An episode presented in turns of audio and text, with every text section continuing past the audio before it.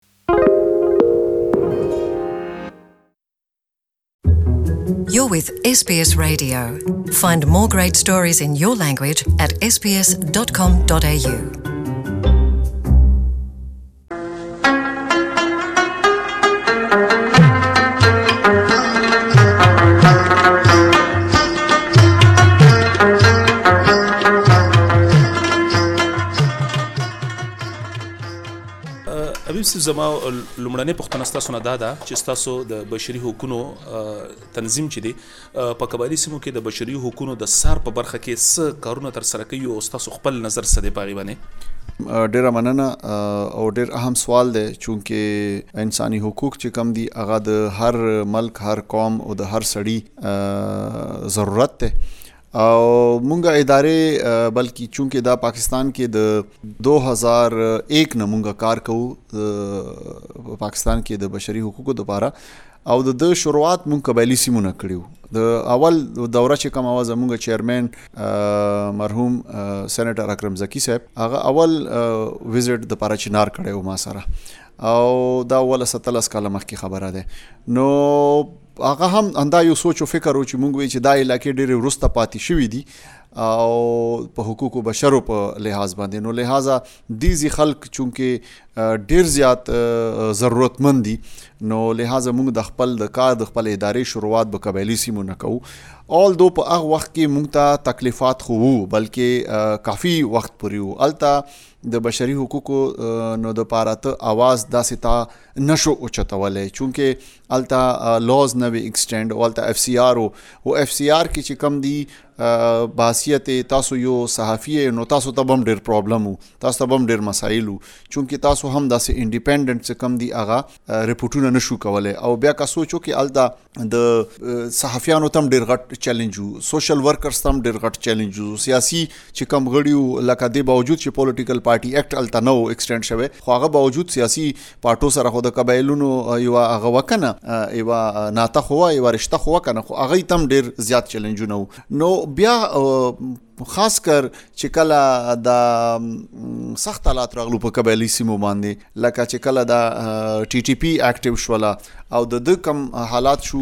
دی وخت کې بیا ډیر زیات تکلیفات لکه ما خپل هم چیلنج کتلې دي زه په درې کې په 2000 او کې 2007 کې نومبر کې زه کډناپ شولم او نو ما نم صرف او صرف اندایو واحد یکیو پوینټ چې هغه وی چې ته د ولې د حقوقو بشرو په نوم باندې قبایلی علاقو د قبایلی خلکو د پاره ته आवाज اوچتای نو لهذا دا د ټول چیلنجز دي اغه نه بعد ډیر حقوق بشر چې کم علمبردارو زمونږ په مختلف علاقو کې هغه ټارګټ شول او وشتل شو ډیر خو زنن دا وایم چې الحمدلله اوس حالات هم ډیر بدل شوی دي حبیب سي په دې کې هیڅ شک نشته خو کومګه د نړۍ په حالاتو باندې نظر واچو چې چرته کې جنگونه وي نو د دواړو غاړو لخوا کاغه دولتي یا حکومتي او کداغي په خلاف کې وسلوال خلک هغه دواړه د بشري حقوقو سرغړونه کوي او عادي وګړي چې دي د هغې په نښه باندې کېږي. که که موږ ګورو قبایلي سیمې هم د تېرو پنځلسو شپاړسو کالو راهیسې د دې حالات څخه تېرېږي. ستاسو اداره د څار یا د څېړنې په برخه کې په دې کې څه معلومات راغونډوي او ګوري چې او دلته کې دغسې حالات روان دي د د بشري حقونو لویې سرغړونې کېږي؟ ګوره مخکې خو دا نه چې رپورټینګ نه کېدلو داسې نه چې سروې به نه کېدلې داسې نه چې د دې باندې به کار نه کېدو کېدو به خو پټ پټ به کېدو او د هغې رپوټونه به دلته په اسلام آباد کې بیا پبلشایز کیدو خو زه بیا د هم افسوس سره وایم چې ډیرو ادارو ته لک تکلیفات هم پیښ شول ادارو ته او ډیرو ادارو باندې چې کم دي د حکومتي ادارو طرف نه پابندې هم ولګیدلې نو اندغه هغه چیلنجز او اوس دا وایم چې نه ان شاء الله راتلونکي وختو کې به د بشري حقوقو حقوقو لپاره چې کم ادارې کار کوي په ملک یا په عالمي سطح باندې او یا په لوکل سطح باندې نو زه وایم چې نه ان شاء الله غي د پاره بلګ یو خ حالات راشي او لګ پر سکون حالات براشي حبیب سي تاسو ورته په خبرو کې اشاره مو کړه چې په تیر وختونو کې چې د بشري حقوقو د پاره کوم خلکو کار کولو فعال غړي وغه زه په زه په هدفي وجنو کې وجل شو بعض ډلو لخوا چې دی هغه هغه ته غوښونه او دړکی ورکړې شوې په زور باندې دغه غري کړې شو فکر کوي چې دغه خلکو د پاره ډیر مشکل وخت تیر شو چې دغه اوازونه پورته کول او د هغوی لپاره هم راتلونکی ښه دی. بلکل زه دا وایم چی انشاالله چی کله دا علاقی عام د خیبرپښتونخوا او د پاکستان پراپر حصه جوړه شی نو دلته به همغه یو نظام هغه نظام چی کوم یو نظام دی خو بهر حال زه دا وایم چی قبایلی علاقو کی چی کم مخکی تکلیفات وو هغی کی به تبدیلی لږ څه نه څه راشی نور خو که ته سوچ وکی په دی ریجن کی او په دی ملک کی هم د بشری حقوقو علمبردارو ته غړو ته چی کوم دی هغه چیلنجز دی ضرور خو نه دی چی په قبایلی سیمو کی خلک ټارګټ شوی دی ولی په نورو ضلعو کی نه دی شوی په نورو ضلعو کی یا په نورو صوبو کی په پاکستان د نورو صوبو پنجاب بلوچستان او په سند کی ولې خلک نه دي